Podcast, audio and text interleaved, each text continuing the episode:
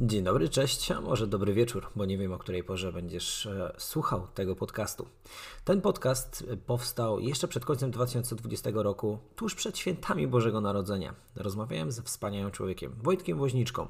Ten podcast wychodzi dopiero w tym momencie, z tego względu, że mieliśmy tak dużo pracy. Na przełomie właśnie grudnia i stycznia przygotowywaliśmy m.in. studniówkę matematyczną, e, gdzie pracujemy z naszymi maturzystami i przygotowujemy się do egzaminu maturalnego. Mieliśmy naprawdę jako matematma ogrom pracy i dlatego ten podcast wychodzi z opóźnieniem. Ale oczywiście teraz postaramy się wrócić do mm, podcastów, które będą na bieżąco z tego względu, że my jako matematma chcemy nie tylko uczyć matematyki, ale również chcemy przekazywać inne wartości poprzez rozmowy z wartościowymi ludźmi. I właśnie z takim człowiekiem, bardzo, ale to bardzo wartościowym, Wojtkiem Woźniczką, rozmawiałem jeszcze w grudniu, więc nie zdziw się, jak będziesz e, słyszał lub będziesz słyszała e, to, że życzymy Ci wszystkiego wspaniałego na czas świąt i wszystkiego dobrego w nowym roku, ale myślę, że takie życzenia nigdy nie są złe. Jeszcze raz zapraszam Cię bardzo, ale to bardzo serdecznie na wywiad z Wojtkiem Woźniczką. Moi drodzy, witam Was bardzo, ale to bardzo serdecznie w kolejnym wywiadzie. Dzisiaj moim gościem jest wyjątkowa osoba, którą poznałem, co ciekawe, na studiach podyplomowych. Nie wiem, czy wiecie, nie jestem tylko nauczycielem matematyki, ale dodatkowo skończyłem studia mediacje i negocjacje z elementami psychologii, bo bardzo mnie rzeczywiście ten temat e, zaciekawił. I tam jedną z osób, która, która prowadziła z nami zajęcia, był właśnie nasz dzisiejszy gość. Wojtek Woźniczka, czyli specjalista, wielki specjalista od spraw negocjacji. No, nie tylko, być może Wojtek podzieli się jeszcze innymi swoimi informacjami, ale jest bezsprzecznie specjalistą do spraw negocjacji i powie nam dzisiaj o kilku elementach, jak negocjować, jak nie dać się zmanipulować, no i też coś dla Was, czyli jak negocjować z nauczycielem. O tym dzisiaj będziemy mówić. Witam Cię serdecznie, Wojtku. Cześć Krzyśku, witaj. Dziękuję za zaproszenie do, do Ciebie na nagranie. E, w zasadzie e, powiedziałeś chyba wszystko, ja już się nie muszę przedstawiać. E, zajmuję się faktycznie negocjacjami. Już teraz trochę bardziej jestem na emeryturze w tym temacie, ze względu na to, że taki, wiesz, taki negocjator z prawdziwego zdarzenia to raczej się nie ujawnia gdzieś publicznie. I w momencie, kiedy się ujawni, no to jednak trochę już zmienia, zmienia swój sposób E, działania, więc w tym momencie bardziej, e, bardziej już uczę innych e, ludzi negocjować, gdzieś tam negocjatorów na rynku nieruchomości uczę jak to robić, także w tym kierunku bardziej, bardziej teraz idziemy. Tak, no właśnie nawet chciałem Wojtek o tym powiedzieć, że w świecie negocjacji e, właściwie no nie ma influencerów, bo tak jak powiedziałeś, no musisz, musiałeś się jakby kryć z tym, jak byłeś takim zawodowym negocjatorem. Teraz jakby chciałeś się odkryć, no to już nie możesz być do końca, do końca znany. E, ale właśnie w świecie negocjacji jesteś bardzo znany, ale wiesz, my mamy młodych widzów, tutaj jest grono, które uczy się z nami matematyki, e, ale na pewno mamy też widzów, którzy nawet spoza matematyki tutaj do nas dotrą. Ale proszę powiedz właśnie coś więcej o sobie, o swoim doświadczeniu. Tutaj mówię, przedstaw przedstawiłeś się tak pokrótce, ale tak w skrócie. Kim jest Wojtek Woźniczka aktualnie, a kim był jeszcze do niedawna? Mhm. Wiesz co, jeżeli chodzi właśnie o to doświadczenie związane z negocjacjami, czyli z tematem naszego spotkania, to ja przez y, ładnych kilka lat zajmowałem się takim zawodowym negocjowaniem na rynku nieruchomości. Czyli mówiąc krótko, przychodzi do mnie ktoś i mówi: Panie Wojtku, mamy na oku takie i takie mieszkanie, albo taki i taki lokal, albo taki i taki dom. No i chcielibyśmy go jakoś fajnie, w miarę dobrze kupić, tak, chcielibyśmy tam ponegocjować. No i powiedzmy, że um, ja będąc taką osobą, która na zlecenie negocjowała różne kontrakty, um, pomagałem ludziom osiągać lepsze wyniki na negocjacjach, ale to też, żeby to nie zabrzmiało tak, um, wiesz, że gdzieś tam te negocjacje muszą oznaczać, że ktoś coś zyskuje, żeby ktoś inny coś stracił. To tak naprawdę rola negocjatora w połowie opiera się na pomaganiu dwóm stronom, żeby dobyć targu, żeby po prostu był ten, e, jak my to nazywamy w żargonie w nieruchomościach, ten deal, żeby doszedł do skutku. Mhm. Bo tak naprawdę to jest chyba najistotniejsze i czasami ludzie, którzy negocjują ze sobą, nie potrafią tego robić w myśl strategii win-win, wygrany, wygrany, doprowadzają do sytuacji, w której nie ma transakcji, nie dochodzi do transakcji i wszyscy tracą. Więc jakby tutaj ważne jest, żeby to wybrzmiało, że taki negocjator to nie jest tylko osoba, która ma za zadanie jak najwięcej urwać sceny, ale przede wszystkim doprowadzić do takiej transakcji, która będzie mm, transakcją wygrany, wygrany dla obu stron. Więc tym się zajmowałem przez ładnych kilka lat. E, w 2000 w zasadzie można powiedzieć 14-15 roku, czyli to już będzie 5 lat temu, mm, poznałem bardzo wiele osób e, działających w branży nieruchomości, inwestujących w nieruchomości. No i wtedy podjąłem taką decyzję, że tak naprawdę troszeczkę zdejmuję te buty, e, może znaczy rękawice negocjatora mhm. i, i idę w kierunku uczenia innych, e, jak to robić, ponieważ moimi klientami coraz częściej były osoby, które, wiesz, kupowały tych nieruchomości dużo. No i tak naprawdę to było, to się stawało dla nich nieopłacalne, żebym ja chodził na te negocjacje za każdym razem, po prostu lepiej było ich przeszkolić, nauczyć. No i też prawda jest taka, że że nie można takich rzeczy robić do końca życia, e, bo w pewnym momencie jakby człowiek już, już troszeczkę na inne tory przechodzi. No i tak naprawdę teraz zajmuję się edukacją ludzi, którzy, którzy negocjują. Sam też działam na rynku nieruchomości, zajmuję się pozyskiwaniem mieszkań na wynajem, podnajem, tego typu działalności. Mam też kilka firm związanych właśnie z dostarczaniem inwestorom na rynku nieruchomości różnych narzędzi do tego. No i prawda jest taka, że na dzień dzisiejszy a można powiedzieć, że już sporadycznie bardzo negocjuję, a raczej tylko jakieś większe rzeczy, typu właśnie jakieś zakupy kamienic, może sprzedaż firmy, no bo też takie biznesowe negocjacje jak najbardziej e, wchodzą w grę. No i, no i w zasadzie i w zasadzie mógłbym powiedzieć, że pomalutku zmierzam do emerytury. Okej, okay. no tutaj bardzo dużo właśnie powiedziałeś tych, tych kwestii negocjacyjnych. Tutaj mogę, mogę się tylko ucieszyć, że w sumie teraz e, obaj działamy w branży edukacyjnej, więc, więc taka mocno, mocno powiązana i właśnie to mi się też w Tobie mega spodobało, jak miałeś z nami zajęcia, to te zajęcia były właśnie pełne takich dodatkowych no, e, case'ów, właśnie przykładów i, i tak powinno się uczyć, więc dlatego szapoba, jeśli chodzi o Twoją stronę jako nauczyciela. Ale powiedziałeś właśnie o tej swojej niedalekiej przyszłości, już w, w sumie przeszłości zawodowej, e, a powiedz mi, e, na kanale, gdzie właśnie mówimy o szkole. Jak, jakim ty byłeś uczniem w szkole? Jak to u ciebie wyglądało? Czy byłeś, czy byłeś dobrym uczniem, może złym, może grzecznym, niegrzecznym, oczywiście w cudzysłowie grzecznym, niegrzecznym, a może już byłeś takim klasowym negocjatorem już w czasach jakby szkolnych. Jak to wyglądało? Wiesz co, to jest bardzo ciekawe pytanie. W sumie mi go nigdy wcześniej nie zadał, a trochę tych wywiadów już udzieliłem. E, dlatego, że e, ja myślę, że ta umiejętność negocjacji ona jest niezwykle przydatna w życiu i tak naprawdę ja zauważyłem to u siebie już y, faktycznie będąc, będąc młodym bardzo chłopakiem. E, myślę, że to przełom podstawówki, liceum i, i późniejsze lata. Dlaczego? Dlatego, że a, Wydaje mi się, że największym takim atutem moim, wiesz, ja mieszkałem w Nowej Hucie, to były lata 90., to były osiedla, na których naprawdę dużo się działo, y, związanego, wiesz, czy też z ruchem kibicowskim i, i jakimiś takimi trudnymi sytuacjami. I zauważyłem jedną rzecz po sobie, że. Yy, aha, jeszcze jedna bardzo ważna rzecz. To były czasy, kiedy tak naprawdę do, do głosu doszło pokolenie um, ludzi, którzy osiedli, którzy tworzyli nową hutę, czyli, czyli tam była bardzo duża ilość młodych ludzi, co powodowało, że ta bomba testosteronowa musiała gdzieś jakoś, jakoś mieć ujście. E, I słuchaj, i ja odkryłem, że ja bardzo łatwo się dogaduję z ludźmi. I od tego się wszystko zaczęło, że po prostu umiem się dogadać z wszystkimi, umiem się gdzieś tam, jak się mówi, ułożyć, tak? Zarówno z tymi, um, którzy tam terroryzują innych, ale też z tymi terroryzowanymi. I tak naprawdę zauważyłem, że ta umiejętność bardzo mi pomaga w życiu. I chyba wiesz, i chyba ja byłem takim uczniem, na pewno nie byłem jakimś wybitnie uzdolnionym uczniem. E, myślę, że miałem bardzo fajne, dobre oceny miałem. Miałem często czerwony pasek na świadectwie, więc uczyłem się dobrze. Gorzej było z zachowaniem. Zdarzało mi się, że miałem wysoką średnią, ale nie miałem paska, bo miałem zachowanie, no wiadomo. Ale mhm. chyba to wynika głównie z ekstrawertyzmu i, i z takiej mojego typu osobowości. E, no po prostu ciężko mi było usiedzieć na, wiesz, na miejscu, nie? Więc jakby to tak, ale na pewno, na pewno gdzieś pomagała mi ta, ta umiejętność dogadywania się z ludźmi.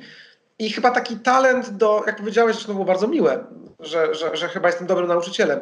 Wydaje mi się, że mm, też miałem taki talent do, a, nawet jeśli na przykład czegoś się nie nauczyłem, nie, do, nie, nie całej wiedzy, e, którą trzeba było posiąść, na przykład odpowiadając na, na pytania, nie wiem, będąc przepytywanym przy tablicy, to umiałem tak dobrze sprzedać tą swoją wiedzę, którą miałem, nawet tam częściową, że zawsze jakoś ta, ta dobra ocena z tego wychodziła. Oczywiście nie tyczy się to ścisłych przedmiotów, z matematyką zawsze największy problem. No właśnie, no, właśnie miałem, to... miałem, od, miałem właśnie zapytać, czy ulubionym przedmiotem na pewno była matematyka. Przynajmniej nie. wiesz, w tym wywiadzie tak musisz powiedzieć. Y, y, tak, aczkolwiek bardzo lubiłem geografię. Okej. Okay.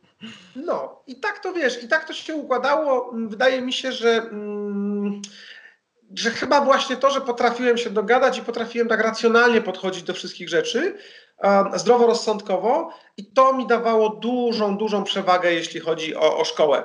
Także nauczyciele mnie postrzegali jako takiego racjonalnego człowieka, mimo młodego wieku i to chyba było największym takim atutem w negocjacjach właśnie w szkole.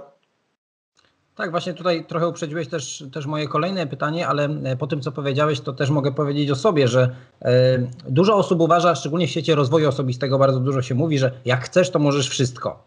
Po pierwsze, ja uważam, że nie. Nie wszystko możemy. Oczywiście możemy pewne, pewne rzeczy gdzieś tam wypracować, da się rzeczywiście przepracować jakieś umiejętności, ale ja mam wrażenie, że mimo wszystko rodzimy się z pewnymi predyspozycjami. Tak jak ty właśnie już czułeś, że świetnie się dogadujesz z ludźmi, tak ja na przykład już w czwartej klasie szkoły podstawowej pamiętam, jak wszystkim kolegom, koleżankom tłumaczyłem matematykę i ja od razu to czułem, ja to lubiłem, od razu to lubiłem, więc, więc to jest coś, co faktycznie gdzieś tam się ma. A właśnie mówię, że uprzedziłeś moje pytanie, bo chciałem Cię zapytać, kiedy zauważyłeś te swoje predyspozycje właśnie do negocjowania? No to już wiemy, że w czasach szkolnych, tak. rozmawiając ze znajomymi, no czy też właśnie w tym, no nie ukrywajmy, trudnym rzeczywiście środowisku e, Nowej Huty, ale zapytam w takim razie, kiedy zdecydowałeś, że faktycznie to jest to, w co powinieneś iść, że żeby zostać zawodowym negocjatorem, czy też osobą ogólnie zajmującą się negocjacjami, bo myślę, że kwestia zawodowstwa pewnie pojawiła się w trakcie, jak już się uczyłeś tego negocjowania, a w trakcie stwierdziłeś, a mógłbym z tego mieć super zawód, ale w którym momencie był taki pstryk,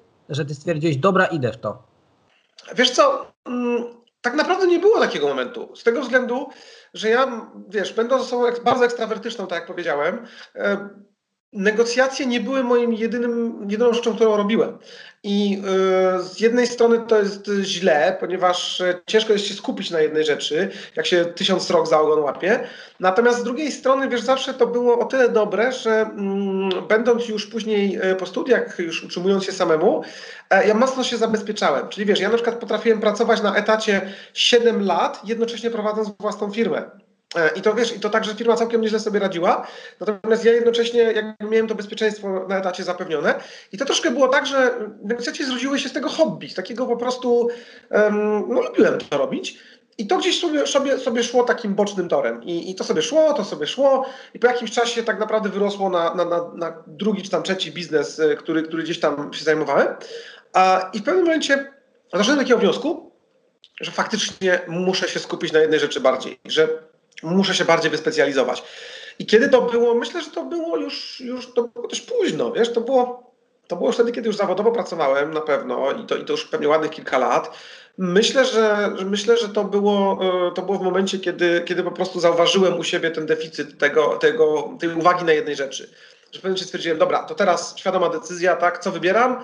Okej, okay, będzie to temat negocjacji. Tu się będę specjalizował, tu się będę uczył, rozwijał, e, chodził na szkolenia, czytał książki i tak dalej. I poszło i poszło.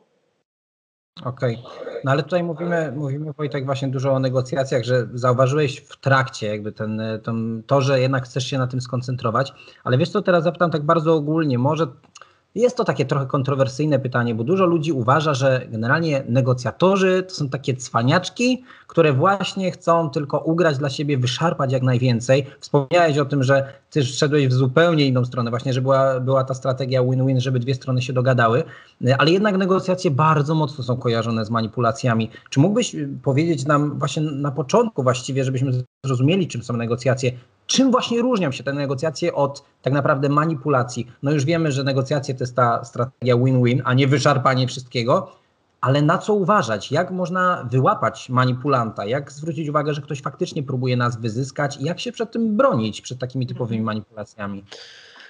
Wiesz, jak w zasadzie we wszystkim życiu y, tutaj działa zasada 4 razy P, czyli pominięcie przygotowania przesądza o porażce. I to jest taki wiesz, i to jest taki, taka złota zasada druga obok tej win-win w negocjacjach. To znaczy, nie idziemy na negocjacje, jeśli nie mamy przygotowanych pewnych jej elementów. I między innymi jest tam na przykład mm, jakiekolwiek zrobienie tego researchu, tak? czyli do, takiego powiedzmy, jakby to po polsku powiedzieć, mm, dowiedzenia się na temat tej drugiej strony jak najwięcej, co możesz, za pomocą czy właśnie obecności w social media, czy jakichś kontaktów wspólnych, czy jakichś innych rzeczy związanych chociażby z internetem, czy jakiejś opinii obiegowej, która panuje o tej drugiej stronie. I wiesz, jakby, jakby zebranie tych wszystkich elementów pozwala ci mniej więcej znaleźć motywatory drugiej strony, pozwala ci mniej więcej zadać dobre pytania, Kolejna rzecz, zadawanie dobrych pytań. Jeżeli zadasz w odpowiedni sposób odpowiednie pytania, to jesteś w stanie wychwycić um, właśnie takie, takie momenty, kiedy ktoś kłamie albo manipuluje. Podam Ci prosty przykład. Jeżeli na przykład kupowaliśmy y, mieszkanie i zadawaliśmy ludziom pytanie, czy zależy na czasie, tak? czy zależy panu pani na czasie, to weź sobie, że większość osób tutaj kłamie. Nawet jeżeli im zależy na czasie, to większość osób nie powie prawdy, ponieważ ma świadomość, że to obniży ich sytuację, znaczy zdolności negocjacyjne, ponieważ no, stracą przewagę, bo ten, komu zależy na czasie, teoretycznie powinien być, mieć gorszą sytuację w negocjacjach. I teraz zobacz, jeżeli zadawałeś takie pytanie i ludzie mówili, że im nie zależy na czasie, później się toczyła rozmowa i w pewnym momencie zadawałeś pytanie, jak szybko chcieliby sfinalizować? Tak naprawdę pytanie o to samo, ale w inny sposób zadane. I odpowiedź na to pytanie powodowała, że ktoś wygadał się, ponieważ nie czuł, że jak się wygada, to zdradzi właśnie swoją, e, swój, na przykład presję czasu. I powiem Ci, e, odpowiednie pytania. To jest kolejna rzecz. To jest właśnie y, to. Jest to. Niektórzy twierdzą, ja tutaj jestem bardzo ostrożny, ale niektórzy twierdzą, że to można wyczytać z mowy ciała. Że jak ktoś, wiesz, unika kontaktu wzrokowego, jak gdzieś unika długich odpowiedzi, jak stara się być niewylewny, tylko odpowiada bardzo krótkimi zdaniami. Jak ktoś na przykład nie, y, ktoś, no już są takie, wiesz, jakieś, naczytałem tego, z tego rozwoju osobistego, o którym mówiłeś. Kiedyś było to modne, było to NLP całe i że tam tak, ktoś tak. zerkał w lewy górny róg, to znaczy, że kłamie, czy tam w drugą stronę. Wiesz co, ja nigdy nie zauważyłem takiej korelacji, wręcz trochę się śmiałem z tego zawsze. Wydaje mi się, że dużo łatwiej jest to ustalić za pomocą dobrego researchu, czyli tego przednegocjacyjnego dochodzenia, e, wiesz, e, takiego detektywistycznej pracy, więc bym powiedział. Druga rzecz, umiejętnej odpowiedzi na, umiejętnych zada, umiejętnie zadawanych pytań. I trzecia rzecz, myślę, że nie ma to aż takiego wielkiego znaczenia, czy druga strona blefuje, czy nie, jeśli sami mamy dobrą strategię negocjacji. Czyli jeżeli, jeżeli wiesz, mamy na przykład tą, ja mówię, że bardzo ważną rzeczą jest tak zwana BATNA, czyli ta Best Alternative to Negotiate Agreement, czyli zawsze musisz mieć alternatywę na wypadek, gdyby negocjacje nie poszły. I jeżeli masz dobrą BATNę, jeżeli nie zależy ci tak bardzo jak drugiej stronie, to nie ma takiego znaczenia, czy strona coś będzie wymyślać, ciemniać, kłamać i tak dalej, ponieważ i tak ty wiesz, co masz robić. Więc to jest taka, taka kolejna rzecz. Więc w mojej ocenie mowa ciała drugiej strony, owszem, jest ważna, bo w sytuacjach kryzysowych, takich, w których naprawdę nie wiemy, co się może wydarzyć, jesteśmy w stanie coś z tego wyczytać. Ale nie jest aż tak istotne i, i wydaje mi się, że dużo bardziej istotne jest to, jak ty się przygotujesz do tych negocjacji, zarówno w kontekście drugiej strony, jak i w kontekście samego siebie.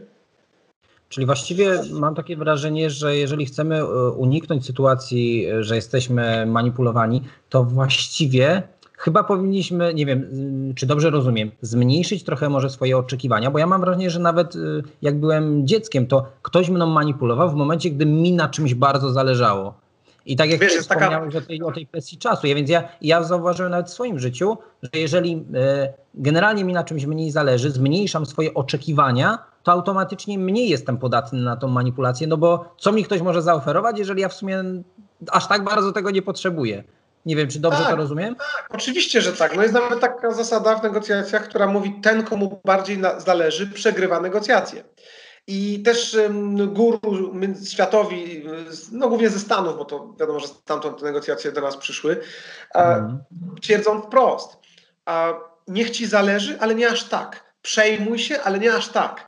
Czyli okazuj drugiej stronie chęć zrobienia tego, tego biznesu, czy chęć na przykład, nie wiem, kupienia roweru, który, który negocjujesz, którego negocjujesz, ale nie aż tak, żeby oni nie zauważyli, że ci bardzo zależy, bo wtedy po prostu cię znegocjują. No i, no i tyle.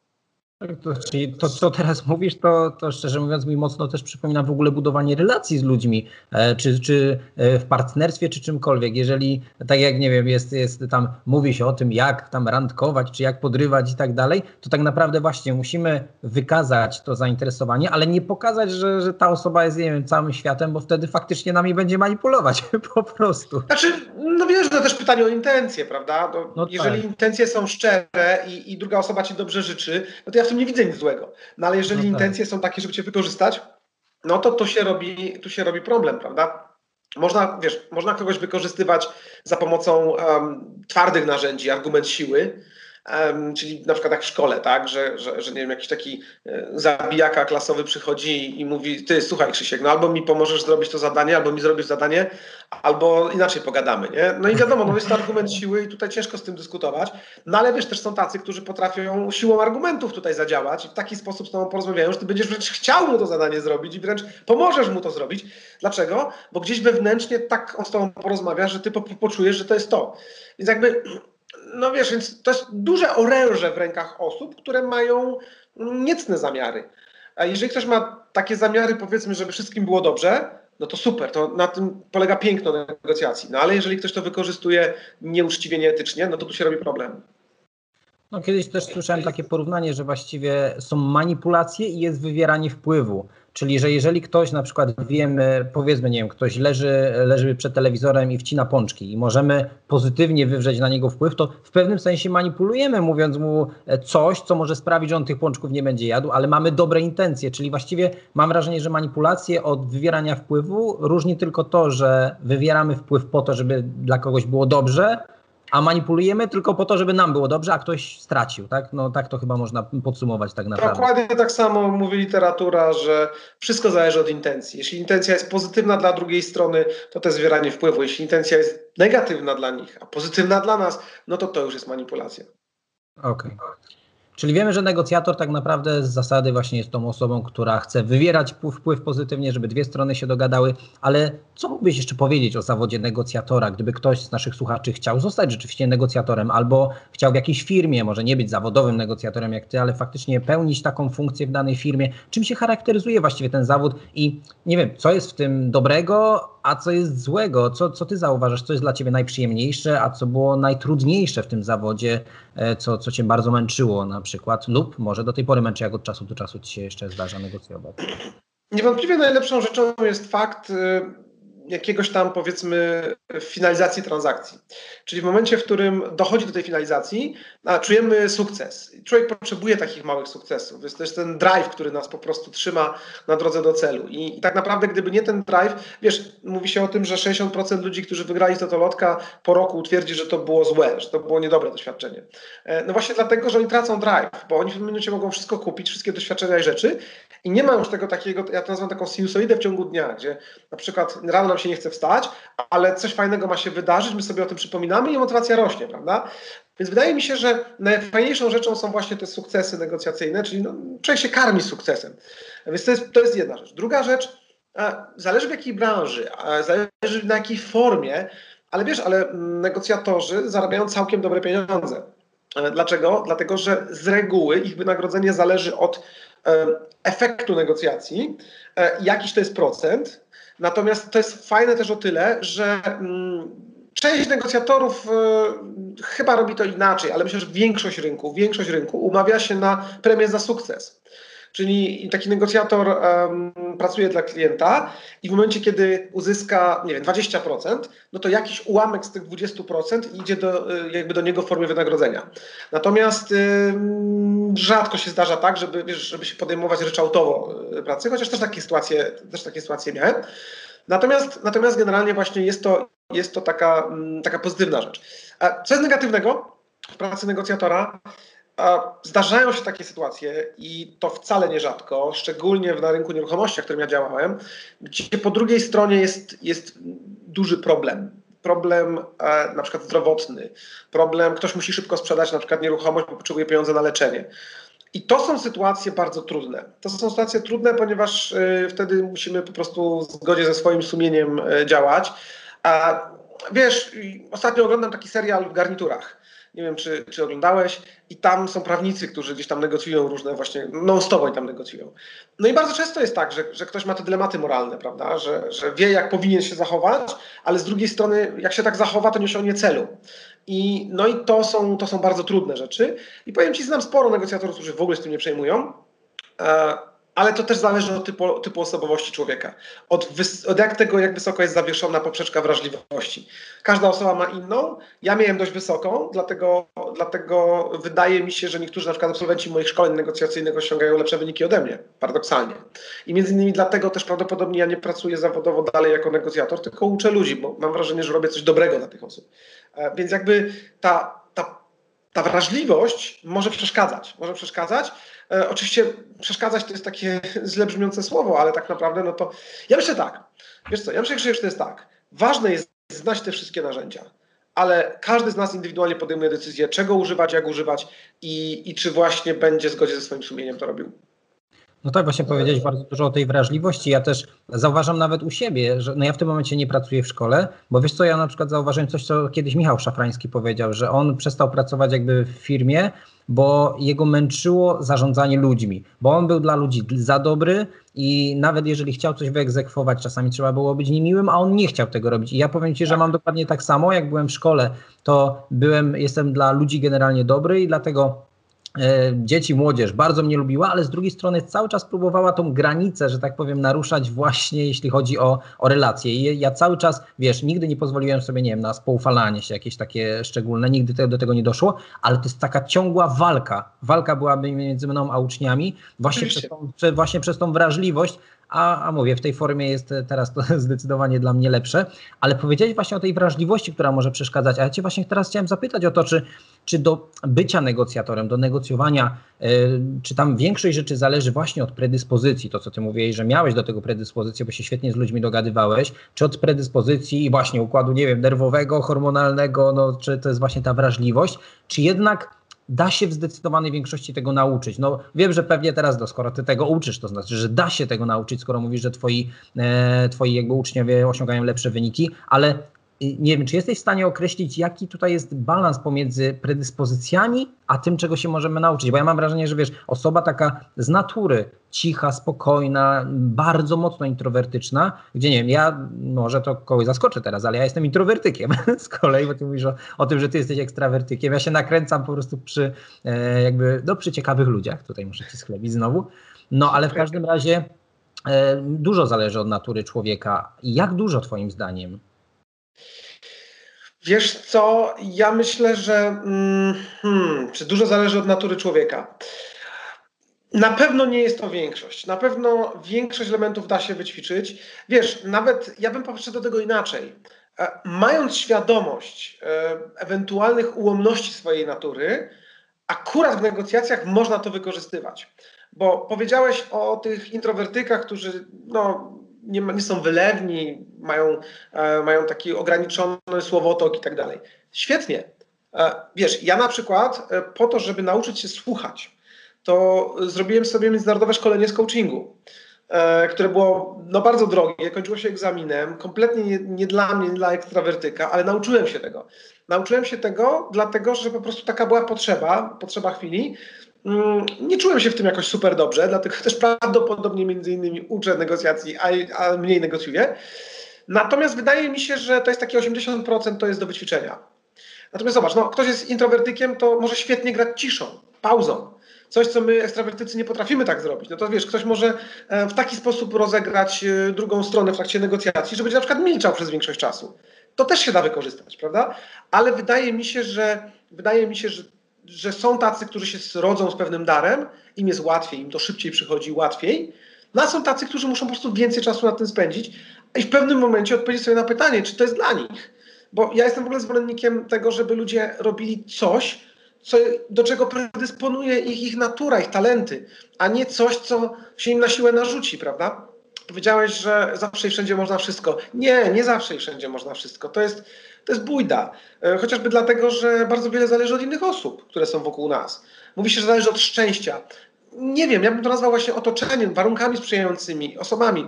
Wiesz, wiesz, co jest największym pozytywem w takim myśleniu pozytywnym, właśnie zawsze i wszędzie można wszystko? To, że łatwiej jest sobie poradzić z porażką. To jest podstawowa sprawa. Czyli wiesz, e, masz porażkę, ale trudno, nie zrażasz się, idziesz dalej. E, próbujesz więcej razy. Statystyka ci zrobi wynik, prawda? No bo im więcej razy spróbujesz, tym statystycznie rzecz biorąc trafisz. Więc tu bym w tym kierunku poszedł. No po, powiedziałeś właśnie Wojtek o tym, ja też y, zgadzam się absolutnie z tym właśnie, że nie wszystko można, właśnie o to mi chodziło z takim przekąsem, jak wcześniej o tym mówiłem, e, zwłaszcza, że nie wiem, nawet wedle statystyk kiedyś zrobiono takie badania, czym się, jaka była jedna cecha wspólna najbogatszych, jakieś tam grupy najbogatszych ludzi na świecie i co to było? Dysleksja. Więc to była główna, wiesz, cecha łącząca te osoby, bo te osoby od najmłodszych lat były przyzwyczajone do tego, że było trudniej, no i przez to właśnie bardziej, bardziej się starały, więc więcej, więcej rzeczywiście musiały Ale tak mówię, statystyka zawsze zrobi wynik, zawsze. Wiesz, jak na przykład pracuję z ludźmi, którzy, którzy pozyskują nieruchomości z pośrednikami, i oni dzwonią do klientów i próbują się umówić na spotkanie. ja mówię, słuchaj, choćbyś zrobił to najgorzej jak się da, użył najgorszych słów jak się da, to jeśli zadzwonisz na 100 telefonów, to na pewno jedno pozyskasz, no statystycznie rzecz biorąc. No ale wiesz, ale tutaj nie o to chodzi w życiu, żeby się zapracować na śmierć, prawda? Chodzi o to, żeby pracować efektywnie. I wydaje mi się, że e, takie połączenie właśnie talentu plus, e, plus ciężkiej pracy powinno dać efekt w każdej dziedzinie życia. Tak, no ale to co mówiłeś, przede wszystkim właśnie trzeba się skupić na tej rzeczy, w której faktycznie możemy być dobrzy, bo często właśnie to mnie na przykład denerwuje w systemie edukacji, z którego się wymiksowałem, bo w szkole, jeżeli ktoś ma problem na przykład z matematyką, to ja nie jestem zwolennikiem tego, żeby on siedział na siłę i tej matmie się uczył nie wiadomo ile. Jeżeli ktoś ma talent artystyczny, to powinniśmy go wysłać na korepetycje właśnie jeszcze z umiejętności teatralnych, żeby on jeszcze bardziej je rozwijał. Matmę, ja na przykład jak miewałem osoby, które są słabe, to po prostu pomagałem im na tyle, żeby zdały, i miały spokój, tak? Jeżeli widać, że nie mają do tego predyspozycji, a niestety u nas się jakby y, skupia na tym, że jak no. masz problem, to ty masz na siłę jakby to cisnąć, a tu powinno być w Można drugą z tym polemizować, wiesz, bo to, bo to tu zwolennicy powiedzą, że tak, ale są takie dziedziny nauki, które każdy musi poznać, żeby być bardziej świadomym człowiekiem i tak dalej, prawda? No Więc, tak, no ale wiesz... No, ale... matematyka królową nauką. No tak, ale widzisz, no ja uczę matematyki, ale w sumie też nie do końca się zgadzam z tym, żeby, żeby matematyka była tym, tą najważniejszą rzeczą, ale masz rację. Można by tutaj jakby pobawić się w ping-ponga i, i, faktycznie w to pograć. Ale y, słuchaj, bo mówiliśmy o predyspozycjach sporo, ty uczysz negocjacji ale no, nas słuchają jakby głównie młode osoby, które są jeszcze w, w, szkole. One raczej nie będą uczestniczyły w szkoleniach i tym podobnych rzeczach. A Twoim zdaniem, co mogłaby robić młoda osoba, która jest jeszcze, nie wiem, czy w szkole podstawowej, nawet y, w szkole średniej, czy na studiach, żeby jakie aktywności podejmować, żeby faktycznie móc rozwijać się w tej umiejętności negocjacji. Co robić w szkole, nie wiem, czy to są występy jakieś artystyczne, czy jakieś y, koła naukowe. Co robić, żeby faktycznie uczyć się tych negocjacji, żeby móc w przyszłości mieć szansę być dobrym negocjatorem? Wiesz, no. Jest taki dowcip. Wysiada facet y, w Krakowie na, na, na dworcu centralnym z pociągu. Chodzi po plantach, czegoś szuka, prawda? No i podchodzi do taksówkarza, puka w szybkę, szybka zjeżdża w dół, słucham. Panie, jak trafić do filharmonii? Ćwiczyć, trzeba dużo ćwiczyć.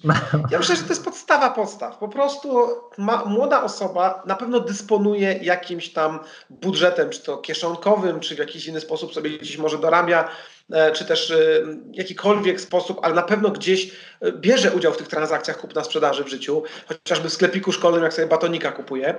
I uważam, że to już jest moment, żeby ćwiczyć. Że można podejść, nie wiem, zobaczyć na przykład, że są jakieś, jakieś, jakieś rzeczy, które zostaną na przykład temu sklepikarzowi i będzie musiał wyrzucić, jak nie sprzeda. I zapytać go, tak? Jeśli na przykład te, i tak będzie musiał wyrzucić, to za jaką cenę by mógł sprzedać. Albo na przykład ja zawsze mówiłem, że najlepszym powodem do negocjowania jest hurtowy zakup. Czyli okej, okay, nie kupię jednej rzeczy, kupię dwie, trzy, czy wtedy możemy się jakoś tutaj dogadać. Albo na przykład pokazania. ja myślę, że wszystkie, wszystkie gry, które, które powodują, że trzeba negocjować, planszówki, um, eurobiznes, no to są takie rzeczy, wiesz, gdzie, gdzie każdy, ja od dzieciaka myśmy grali na klapce, słuchaj, na tej nowej hucie, wiesz, w eurobiznes i, i tam była wymiana karty miasta za, za pieniądze i tak dalej. Po prostu ćwiczyć, ćwiczyć, ćwiczyć. I to nie tylko w transakcjach, gdzie jest wymiana pieniądze za jakieś dobra, to, to wiesz, to w, w rozmowach z, z rówieśnikami, no, no jedziemy ostatnio, jedziemy ostatnio z moim synem do przedszkola, on ma 6 lat, no i, e, no i on mówi tak, tata, jaki dzisiaj jest dzień? No ja mówię, no środa. A on mówi, a środa, to jeszcze trzy dni do przedszkola. Ja mówię, no trzy dni do przedszkola. A tata, a mógłbym pójść tylko dwa dni do przedszkola. Ja mówię, no nie no synku, no wiesz, no takie są zasady, że, że jeszcze trzy dni. No dobra, ale przyjedziesz wcześniej?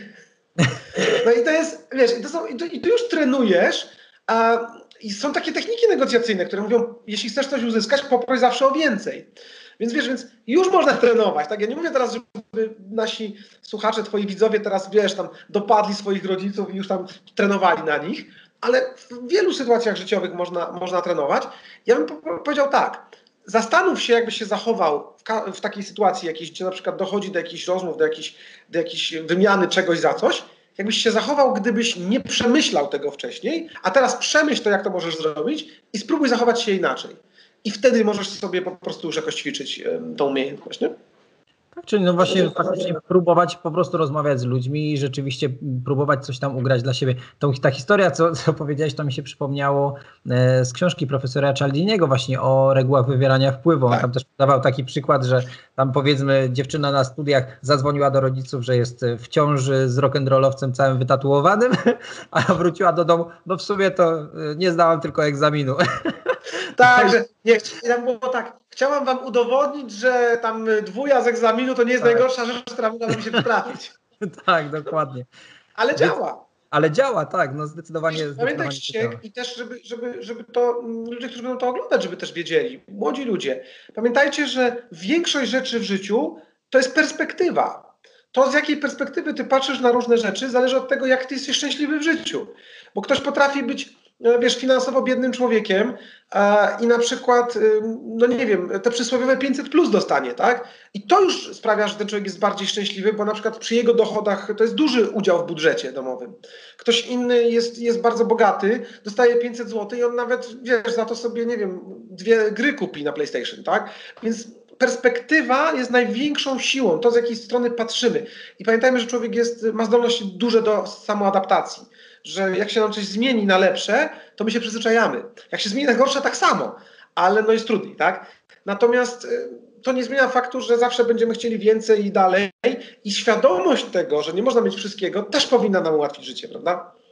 Tak, no to jest ta tak zwana reguła kontrastu. Ja nawet miałem e, jakiś czas temu wykład w ramach tam organizowanego wydarzenia Toastmasters i tam właśnie mówiłem o tej regule kontrastu, że wystarczy, że porównamy się do kogoś, kto ma gorzej i już będzie lepiej. Tam nawet, nawet znalazłem takie statystyki, że bodajże w Holandii e, wyobraź sobie, że jest największy odsetek ludzi bogatych, bardzo bogatych i mocno biednych i tam jest największy odsetek ludzi, którzy popełniają samobójstwa. Dlaczego? Bo jest właśnie ta ogromna reguła kontrastu i ludzie ci mega biedni jak widzą tych super bogatych, no to czują się po prostu z tym źle, więc tak jak mówisz, to jest kwestia tylko porównania. A jeszcze dopytam Cię w kwestii tego poprzedniego pytania, bo mówiliśmy o tym, żeby próbować, testować, rozmawiać z ludźmi, a czy, nie wiem, jakiś konkretny na przykład kierunek studiów byś do, doradził osobom, które są powiedzmy teraz w klasie maturalnej albo, albo przedmaturalnej i chciałyby się zdecydować na to, żeby lepiej się uczyć negocjacji, czy, czy to ma w ogóle sens, wybieranie jakiegoś konkretnego kierunku studiów, czy to niekoniecznie ma jakiekolwiek znaczenie? Myślę, że poniekąd ma, bo wiesz, zupełnie inne umiejętności będą ci potrzebne na studiach y, biologicznych, a zupełnie inne umiejętności będą ci potrzebne na studiach menedżerskich. Ja, ja skończyłem Akademię Ekonomiczną w Krakowie, to jeszcze była Akademia Ekonomiczna wtedy, teraz to jest uniwersytet. I ja skończyłem kierunek ekonomia, specjalność przedsiębiorczość. Jako jeden z nielicznych, którzy kończyli ekonomię czy, czy, czy takie nauki ekonomiczne, mogę powiedzieć, że ja pracuję w swoim zawodzie, no bo prowadzę własne firmy, prawda? I uważam, że to był dobry kierunek. Uważam, że, że on się sprawdził i, i, i to był dobry wybór, aczkolwiek y, wiesz, ja nie podjąłem tego wyboru, y, będąc stuprocentowo przekonanym. Po prostu ten wybór się jakby trochę za mnie podjął. A myślę, że studia prawnicze są dobre do tego dlatego że no, prawnicy jednak sporo negocjują. Niestety nie wygląda to jak w Stanach, gdzie cały czas negocjują i, i są ugody i, i tak dalej. Um, Polska też jakby to nie jest, moja siostra, która jest prawnikiem, kiedyś mi powiedziała, wiesz Wojtek, Polska to nie Ameryka, tu za oblaniem kubka, kub, kubkiem gorącej kawy nie dostaje się miliona dolarów, prawda? No tak, ale myślę, że prawnicy jak najbardziej, to jest, do, to jest taki kierunek. No i wiesz, no i są studia, specjalizacja y, negocjacje. Także też na uczelni, na której się spotkaliśmy, no, to, no to ja też jestem wykładowcą na studiach po prostu z negocjacji, tylko że to są podyplomówki. Okej. Okay. Czyli właściwie mam wrażenie, że to jest takie poszukiwanie jakiegoś tam konkretnego zawodu. Tak jak pamiętam, że moja kuzynka e, miała wahanie, czy pójść na studia dziennikarskie, bo bardzo lubiła pisać, czy na studia prawnicze. I nie zapomnę, jak no, mój chrzestny jakby powiedział jej, idź na prawo, dziennikarstwo zrób sobie dodatkowo, bo jak będziesz miała fach, to będziesz mogła o tym pisać. Ja mam wrażenie, że to jest to, żeby, tak. żeby faktycznie tak. nauczyć się konkretnej dziedziny, która jest przydatna ludziom, czyli właśnie prawo, medycyna, e, czy tak. właśnie, nie wiem, edukacja, czy cokolwiek takiego, czyli jakaś branża, i dodatkowo właśnie podyplomowo gdzieś tam na zasadzie tak. szkolnej nauczyć się tych negocjacji, bo wtedy jesteśmy fachowcem, a fachowcem tak. z danej dziedziny i jeszcze możemy pomóc w tej, w tej dziedzinie się Ale zauważ, jeżeli na przykład byłbyś świetnym fachowcem, lekarzem, który jest ortopedą na przykład, prawda?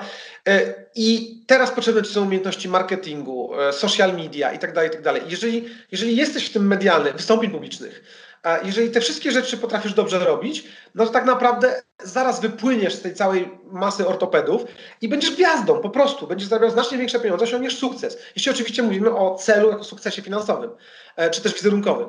Ale tak samo jak jesteś mikrobiologiem, jak jesteś, widzisz, zobaczmy teraz na, na tą obecną sytuację z pandemią. No jest kilku lekarzy, którzy przodują tam tych wszystkich telewizjach, prawda? Dlaczego? No właśnie dlatego, że są specjalistami to jedno, ale też są bardziej medialni w jakiś sposób, prawda? Czyli właściwie wybrać specjalizację, która nam się podoba i dodatkowo kształcić się w negocjacjach. Ale Dokładnie. powiedzieliśmy tutaj stricte właśnie o osobie, która no jednak chciałaby się tym zajmować ale e, rozmawialiśmy o tym, że tak naprawdę negocjacje no, przydają się w życiu, w życiu codziennym, to co mówiłeś. Możemy nawet pójść do sklepiku, jeżeli miałaby pani wyrzucić to wszystko, to ja to chętnie kupię taniej, tak? Więc to się przydaje. A powiedz mi, co byś polecił osobom, osobom, które nie chcą się stricte zajmować negocjacjami, ale jednak no, widzą faktycznie, że to jest przydatna umiejętność, no bo nie da się ukryć w życiu codziennym. Jak, jak mogłyby się takie osoby uczyć? Jeżeli, nie wiem, nie chcą chodzić, nie wiadomo, na jakieś szkolenia wymyślne, właśnie studia podyplomowe, ale y, jakie byś, nie wiem, właśnie takie może kursy, właśnie mini szkolenia polecił, czy co, jak może się uczyć osoba, która w życiu codziennym chce negocjacje wykorzystywać, znaczy, w rozmowie z partnerem, czy, czy właśnie z kimś znajomym? Wiesz, no jakby ja wcześniej odpowiedziałem na to pytanie, mm, żeby ćwiczyć, prawda, żeby, żeby ćwiczyć na co dzień. Jeżeli y, twoje pytanie, jakby druga część jego mówi, dobra, ale oni też nie chcą ćwiczyć, no to, no to powiem tak, no to będzie trudno. No bo z jednej strony, mm, jakby ja uważam, że klucz do sukcesu w jakiejkolwiek dziedzinie życia to jest WUP. W to wiedza, U to umiejętności, P to postawa. Więc jeżeli nie ma, e, nie ma wiedzy, no bo nie ma, musimy ją skądś pozyskać, jeżeli nie ma umiejętności, bo nie ćwiczymy, no to nie ma też postawy. No więc no ciężko to będzie zrobić. Natomiast pierwszy krok to właśnie rób, tak? To rób, powtarzaj, powtarzaj. Świetny film Krzyśka Gonciarza, krok pierwszy na, na YouTube. No kapitalny, prawda? Nie ma kroku drugiego. Po prostu zacznij to robić, nie? Więc to jest jedna rzecz. Jest dużo darmowej wiedzy w temacie negocjacji. Słuchaj, ja y, opublikowałem, znaczy nie ja, tak naprawdę Michał Szafrański, są trzy filmy y, ze mną, jak negocjować zakup mieszkania, jak negocjować podwyżkę i jak negocjować zakup samochodu na YouTubie polskim. I one w sumie łącznie mają, nie wiem, może z milion dwieście tysięcy odsłon. Natomiast tam dałem ogromną ilość wiedzy y, teoretycznej. Wiesz, nawet do tego stopnia, że niektórzy ludzie mi pisali później, że strzeliłem sobie w kolano, bo tak dużo dałem wiedzy, y, że już ludzie na przykład mojej książki nie kupią. No, paradoksalnie okazuje się, że też działa reguła wdzięczności, że ludzie, którzy dostali dużo wiedzy darmo, po prostu kupią tą książkę, bo są mi wdzięczni i to też jest ok. Natomiast YouTube, druga największa wyszukiwarka na świecie. Y, wideo. Nie, nie, lubisz czytać? Obejrzyj wideo. Lubisz czytać? Książki. Jest cała masa książek. E, które, które po prostu można, można przeczytać. Ok, no tutaj już trzeba mieć budżet, tak? Jakiś, niewielki, ale jakiś, można, jakiś trzeba mieć. Ale myślę, że za darmo wiedza jest dostępna w internecie, po prostu. Duża jej część. To wiadomo też, ja też nie mogę wszystkiego y, oddać za darmo w internecie, no bo wiadomo, że później jak ktoś kupi książkę, będzie się czuł po prostu oszukany. Więc też nie o to chodzi. Natomiast, natomiast jakby, jakby ja bym zaczął po prostu od darmowych, darmowych dostępnych materiałów. Okej, okay. o tych darmowych, ale mówiłeś też o swoich książkach. Czy, czy mógłbyś teraz powiedzieć właśnie, jakie ty książki e, wydałeś e, od swojej strony? Ja oczywiście wiem jakie, ale z przyjemnością, jeżeli tylko tak, masz tak. może jakąś pod ręką nawet, żeby pokazać. Wezmę już, tak, tak, tak. O, widzisz, właśnie naj, najśmieszniejsze jest to, a nie chwila, dobra? Akurat mam, mamy... Moja podstawowa książka, o proszę, czyli Negocjuj, jak zwyciężać w codziennych sytuacjach. Podręcznik negocjacyjny, mój bestseller. W Polsce za bestseller uznaje się książka, która się sprzedała w co najmniej 10 tysiącach egzemplarzy. W tym momencie to jest 15 tysięcy egzemplarzy. E, ja od tej książki mówię wszystkim, jak ktoś chce w ogóle zacząć temat negocjacji ze mną, to niech zaczyna od książki Negocjuj. Dlaczego? Dlatego, że to jest typowy podręcznik negocjacji. Później drugą częścią jest Negocjuj 2, czyli jak, czego nauczyłem się negocjując dla siebie i dla innych. Ludzie mi mówili po pierwszej książce, Wojtek, słuchaj, największą siłą twojej książki były przykłady, realne case'y opisane w pierwszej książce. Napisz drugą książkę, w której będą same przykłady case'y. No to napisałem. E, siedem dużych historii negocjacyjnych, czego, co robiłem dobrze, co robiłem źle, opisane z mojego doświadczenia, tak żeby się uczyć na, na błędach, na moich błędach, prawda? Napisałem książkę Nie sprzedawaj, pozwól kupić. To jest książka ze sprzedaży, ale to jest książka która mówi o tym, jak sprzedawać nie sprzedając. Jak proponować coś, żeby ludzie kupowali, ale nie musieć wyskakiwać z lodówki i wiesz, i, i marketing nachalny robić. Natomiast uważam, fajnie, że zapytałeś o książki, ponieważ uważam, że ta książka na drodze do wolności finansowej to jest książka dla Twoich słuchaczy i widzów. Dlaczego? Dlatego, że tutaj jest podtytuł, co bym sobie doradził, gdybym mógł się cofnąć w czasie 20 lat. Ja mam, jak pisałem tą książkę, miałem 38 lat, obecnie mam 39. Czyli można powiedzieć, że to jest książka, która jest dla 18, 19, 20-latków, a ponieważ ja uważam, że w wieku 37 lat, jak sobie zrobiłem wolność finansową, w ogóle powiem, co to jest wolność finansowa. To jest sytuacja, w której mamy dochody pasywne. One oczywiście są tylko w cudzysłowie pasywne, w cudzysłowie pasywne ponieważ a to są dochody najczęściej na przykład z najmu nieruchomości albo z jakichś aktywów, które posiadamy. I te dochody powodują, że nie musimy chodzić do pracy. I teraz nie ma czegoś takiego jak wolność finansowa, tylko jest coś takiego jak możliwość wybierania tego, co się chce robić w życiu. I to jest, uważam, to jest najważniejsze w mojej ocenie, bo wydaje mi się, że najważniejszą rzeczą dla młodego człowieka jest to, żeby on zarabiał pieniądze na życie w taki sposób, jak co chce robić, prawda? Żeby robił, co chce robić, dodatkowo jeszcze miał z tego pieniądze. I ja to osiągnąłem, niektórzy mówią, że szybko, no bo w sumie 30 lat przed, przed wiekiem emerytalnym, prawda? Natomiast uważam, że można było to zrobić jeszcze wcześniej, można było jeszcze wcześniej pracować w inny sposób. I tam są rozdziały, wiesz, czy wartość na studia wyższe, E, taki rozdział jest. Oczywiście, że warto i od razu powiem, zaspoileruję, że warto. E, mówię dlaczego, co robić na tych studiach. Na przykład błędy, które ja popełniłem na studiach, które dzisiaj żałuję. Wiesz, na pewno na studiach ekonomicznych miałem dostęp do niesamowitych ludzi, przedsiębiorców, biznesmenów. I ponieważ nie byłem w żadnych organizacjach studenckich, nie chodziłem na te wykłady, na to wszystko za darmo mogłem to mieć. Już wtedy mogłem notować, mogłem się uczyć od tych ludzi, prawda?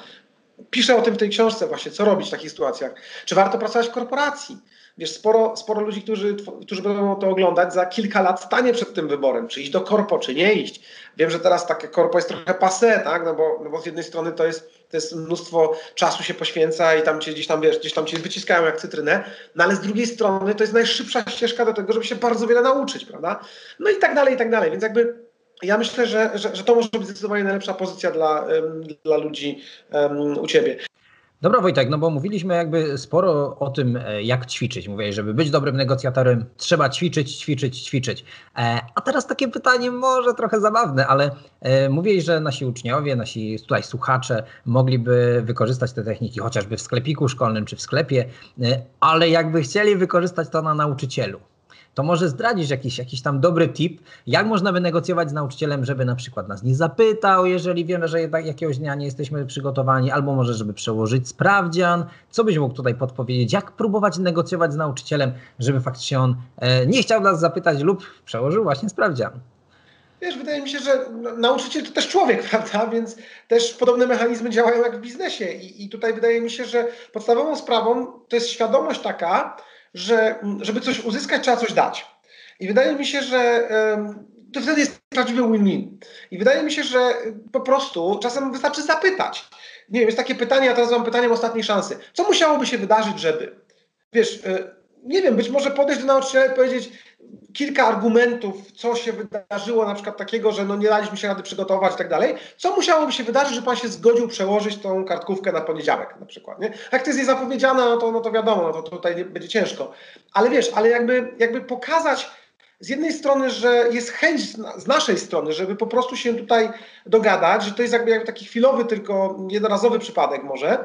I też powiedzieć, ja jestem gotowy pójść na jakieś wyrzeczenia, coś zrobić dla ciebie, żebyś ty się zgodził. I być może ten nauczyciel wtedy powie, dobra, okej, okay, ale na przykład przygotujecie dodatkowy materiał jeszcze z takiej takiej lekcji i na przykład coś tam jeszcze opracujecie, nie?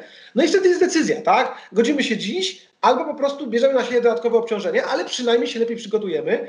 I ja myślę, że wtedy wszyscy wygrywają, bo nauczyciel dostaje coś więcej, a wy po prostu dostajecie szansę na lepszą ocenę, bo się przygotowujecie w odpowiednim momencie, nie? Więc coś za coś. Od, od tego bym zaczął. Na pewno bym nie szedł w jakieś, wiesz, brudne zagrywki, manipulacje, w tego typu rzeczy, bo to zawsze wyjdzie.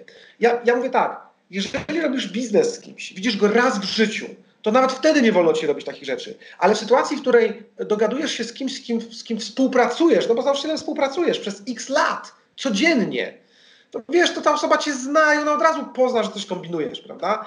I to, to nie ma sensu, bo to, jak zawsze mówię, szczerość, prawda, zawsze się obroni. No i wiesz, i po prostu coś za coś, tak? Zrobię dla ciebie dodatkową pracę, y, mogę się, mogę się czegoś podjąć, tylko teraz mi coś po prostu daj za to, nie? Tak, to znaczy zresztą wiesz, nawet w negocjacji ja mogę powiedzieć od strony nauczyciela, że, że nauczycielowi też nie zależy na tym, żeby wszyscy dostali jedynki. No oczywiście trafiają się, trafiają się psychopaci, jak w, każdym, jak w każdym zawodzie, absolutnie, e, ale, ale no tak jak wszyscy żartują, że a pewnie ty dlatego zostałeś nauczycielem, bo chciałeś uczniom stawiać jedynki. No nie, no wręcz przeciwnie, właśnie chodzi o to, żeby oni byli jak najlepsi. I to co mówiłem, ja byłem aż za dobry e, i dla mnie na przykład, jeżeli bym wiedział, że oni jednego dnia nie napiszą mi tego sprawdzianu, to co mi z tego, że dostaną same jedynki, bo ja będę musiał to sprawdzać, to po pierwsze tracić na to czas, po drugie, jak wstawię w same jedynki, to zaraz zostanę wezwany do dyrektora na dywanik, co tam, co tam, się, co tam się dzieje, że wszyscy uczniowie dostają jedynki albo większość. No i to jest w ogóle, to nie jest w interesie dla nikogo. Ale to, to co mówiłeś, no trzeba rzeczywiście coś zaoferować, poza tym mieć tą chęć, no bo wiesz, jeżeli cały czas by próbowali przekładać, no to, no to, no to takich rzeczy Oczywiście, już się po prostu ale wiesz, jeżeli ktoś jest ok przez cały czas, przez cały rok i, i, i nagle następuje taka sytuacja, no to powiem Ci, ja bym się zdziwił, gdyby ktoś odmówił z drugiej strony, prawda? No słuchaj, jeżeli masz w porządku ludzi, którzy raz pod, jakiś błąd popełniają albo coś nie zrobią, e, no to wiesz, no to, to, no to się, kurczę, każdy ma prawo do takich, do takich e, błędów. Więc ja uważam, że to jest klasyczny win-win do zrobienia, bez problemu. Tak, no tylko tak jak mówisz, musi być otwartość i, i, chęć. Dobra, Wojtek, na sam koniec już takie bardzo luźne pytania. E, chciałem Cię zapytać, czy pamiętasz jakąś taką najśmieszniejszą albo najdziwniejszą, generalnie jakąś taką sytuację e, ze szkoły, która Ci mocno zapadła w pamięć, która Cię albo właśnie rozbawiła, albo może przeraziła? Co takiego Ci zapadło najbardziej w pamięć z czasów szkolnych? Z czasów szkolnych? Mhm. E, ale mówimy o podstawówce czy o liceum? Generalnie edukacja, że tak powiem, może to być podstawówka, może to być liceum, może to być, mogą to być nawet studia. Chodzi mi o ten, e, to bycie jakby w tym standardowym systemie edukacji. Ale no fajnie by było, jakby to było rzeczywiście albo ze szkoły podstawowej, albo ze szkoły średniej coś. Mhm, mhm. A wiesz co? Pamiętam taki, e, takie, takie zdarzenie, jak właśnie cała klasa mnie wydelegowała. Wiesz co, akurat paradoksalnie przypomniałem sobie teraz pewnie dlatego, że mnie o to pytałeś Cała klasa mnie wy, wydelegowała do tego, żeby, mm, żeby właśnie załatwić przełożenie kartkówki, sprawdzianu. I, I słuchaj, i sytuacja była taka, że ja poszedłem właśnie do, do nauczyciela, zresztą matematyka, notabene, wychowawca naszej klasy, i chciałem z nim to negocjować, wiesz? I cały paradoks tej sytuacji polega na tym, że jak zacząłem z nim o tym rozmawiać, to on tak na mnie patrzy i mówi, ale jaki sprawdzian? I ja mówię, y, no jak to jaki? No miał być dzisiaj. A on mówi, faktycznie zupełnie zapomniałem. Okej. Okay. Także nie muszę ci tłumaczyć, co się dalej wydarzyło. E, oczywiście tak. nie było tego sprawdzianu, więc jakby cel został osiągnięty, ale tak naprawdę zaryzykowaliśmy, że przypomniałby sobie nauczyciel ten sprawdzianie i go faktycznie zrobił, więc taka dość śmieszna sytuacja. Rzadko się to zdarzało, że nauczyciele zapominają o takich rzeczach, ale tym razem akurat widocznie, chyba, że to była taka gra aktorska ze strony właśnie naszego wychowawcy, jeśli tak, to była świetna, że mieliśmy bardzo fajnego wychowawcę, także, także tutaj, tutaj uważam, że, że, że, że wszystko się dobrze skończyło i by się dobrze skończyło. Natomiast no, to było śmieszne, wiesz, że jakby próbując negocjować, przypomniałem komuś, że, że ma taką sytuację, jaką ma, tak? Także to było było, to było najśmieszniejsze. No faktycznie, tak. zdarzają się takie nietypowe sytuacje. E, inne pytanie, może trochę poważniejsze. Najważniejsza zasada dla ciebie, e, którą się kierujesz w życiu, to znaczy taka, że choćby wiadomo, co skały robiły, nie złamiesz się w jakiejś regule. Czy masz jakąś taką zasadę? Wydaje mi się, że każdy coś takiego ma, ale, ale jaką ty masz taką zasadę, która choćby nie wie, tak jak mówię, co się działo, to jej nie złamiesz i się jej trzymasz? Wiesz co, wydaje mi się, że ona jest bardzo bliska z, z, z wygrany, wygrany w negocjacjach. Czyli jest coś takiego, że staram się robić po prostu dobrze dla innych ludzi. I to jest taka, wiesz, ja też dużo się, się staram też um, udzielać charytatywnie. Robię sporo licytacji moich książek, pomagamy gdzieś w jakimś zbieraniu na, na, na, na jakieś operacje dla dzieciaków i tak dalej, i tak dalej. I wydaje mi się, że zasada jest taka, na przykład po co robię YouTube'a też swojego, po co robię zasięgi, takie rzeczy. Wydaje mi się, że ja to wszystko robię po to, żeby w pewnym momencie urosnąć tak, do takiego stopnia, żeby móc to wykorzystywać do tego, żeby pomagać innym ludziom. I to jest, i to jest podstawowa sprawa, która, która gdzieś, tam, gdzieś tam chyba, chyba mi krąży y, po głowie. Zauważyłem, że nie ma nic lepszego niż pomaganie, niż robienie po prostu dobrze innym osobom, innym ludziom. E, I to jest chyba najfajniejsza rzecz, taka, tak bym chciał, żeby moje życie wyglądało, żebym został zapamiętany po prostu jak kiedyś, jak kiedyś tam zejdę z tego świata, że, że, że byłem człowiekiem, który po prostu no fajnie motywował innych ludzi do rozwoju, do jakichś, do jakichś działań, ale też dużo, dużo ludziom pomagał i, i po prostu, żeby ludzie po prostu mnie dobrze zapamiętali, nie? Tak, no tutaj czuję, że tak powiem, że mamy nawet podobny cel, podobnie jak ja. Ja też bym nie musiał, nie wiem, robić tego kanału na YouTubie, ale, ale właśnie rzecz w tym, że ja chcę dotrzeć do, do dzieciaków, do młodzieży, którzy mają problemy z matematyką, żeby właśnie do jak największej grupy dotrzeć, żeby faktycznie oni tych problemów takich, takich no nie właśnie. mieli.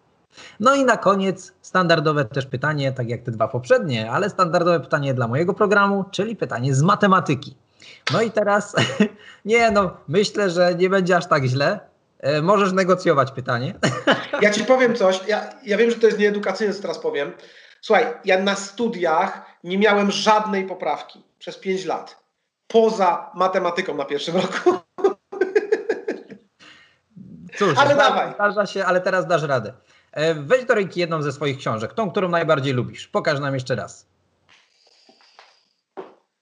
I teraz powiedz, w jakim kształcie jest ta książka, to znaczy jakiej bryły? Yy, znaczy tak, prostokąt, ale chodzi ci o jakieś prostopadłości. Ściany, ściany są prostokątami, ale chodzi o bryłę, czyli jako całość, jako też wnętrze i tak dalej. No prostopadłościan. O właśnie, o to chodziło, czyli jest prostopadłościan. Więc, więc zdałeś się. Jeszcze dalej chcesz pytać, ale nie każ mi liczyć pola, dobra? nie, tego, tego nie będziemy robić. Wojtek, bardzo, ale to bardzo Ci dziękuję. Niesamowita dawka wiedzy tutaj, jaką nam przekazałeś. Więc bardzo Ci dziękuję za poświęcony czas, za tą niezwykle sympatyczną rozmowę, bo jesteś niezwykle sympatycznym i dobrym człowiekiem, więc wydaje mi się, że przeze mnie na pewno będziesz dobrze zapamiętany, jak zejdziesz z tego świata. Mam nadzieję, że to jeszcze nie teraz. No nie, nie, no myślę, że... Jak to było w grze Tron, not today. tak, zdecydowanie. Myślę, że obaj chcemy jeszcze trochę pożyć, więc bardzo, ale to bardzo Ci dziękuję. E, wszystkich naszych słuchaczy zachęcam jakby do, e, do zajrzenia również e, na Twoje social media. Daj znać, proszę, gdzie Cię można znaleźć, pod jakim hasłem? Czy Wojtek Woźniczka ogólnie, czy może masz jakoś inaczej nazwany kanał na YouTubie, tudzież, tudzież może jakąś stronę, gdzie można kupić Twoje książki, jeżeli by ktoś miał ochotę? E, generalnie to mam fanpage na Facebooku Wojtek Woźniczka, autor, negocjator, inwestor na rynku nieruchomości. E, ale tak naprawdę teraz mi zależy właśnie na rozwoju tego, tego YouTube'a. E, mam kanał Wojtek Woźniczka po prostu na YouTubie i tam, i tam prowadzę dużo wywiadów z ludźmi związanymi właśnie z nieruchomościami, z inwestowaniem, z, z tą branżą, ale też sporo takich moich filmików na zasadzie właśnie między innymi do młodych ludzi. Mam taki filmik którym pokazuje, co robić, a czego nie robić, żeby, żeby na drodze do wolności finansowej po prostu szybciej tam dotrzeć. E, jakie błędy mogą szczególnie młodzi ludzie popełniać, jeśli chodzi o konsumpcję, o, o, kupowanie pasyw, o drogie rzeczy, które im są niepotrzebne, a jak można te rzeczy sobie na przykład dostarczyć w sposób taki, żeby to było, żeby nie tracić właśnie własnych aktywów, czyli środków pieniężnych i tak dalej.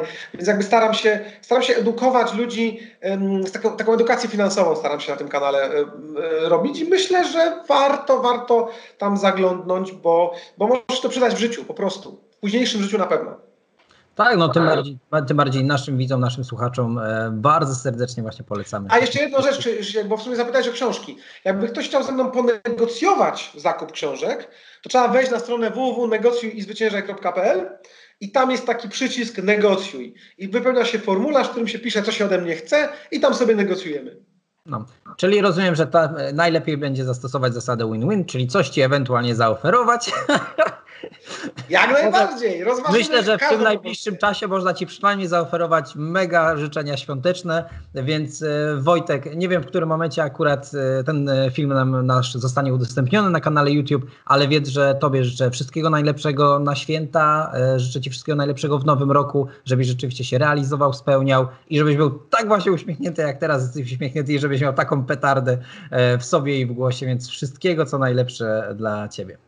Krzysztof, bardzo dziękuję. Dziękuję za zaproszenie. E, wszystkiego najlepszego dla Ciebie i dla wszystkich widzów Twojego kanału. Bardzo dziękujemy. E, jeszcze raz bardzo Wojtek dziękuję. E, dziękuję również Wam, że dotrwaliście do tego momentu. Jeżeli uważacie, że ten materiał, ten film wam, wam, się spodobał, to będzie nam bardzo miło, jeżeli zostawicie oczywiście łapkę w górę i ewentualnie subskrypcję, jak jesteście tutaj po raz pierwszy i serdecznie Was zapraszam na kanał Wojtka. Wojtek Wowoźniczka na YouTubie do znalezienia. Bardzo, bardzo dziękuję i do usłyszenia, do zobaczenia. Do usłyszenia. Cześć.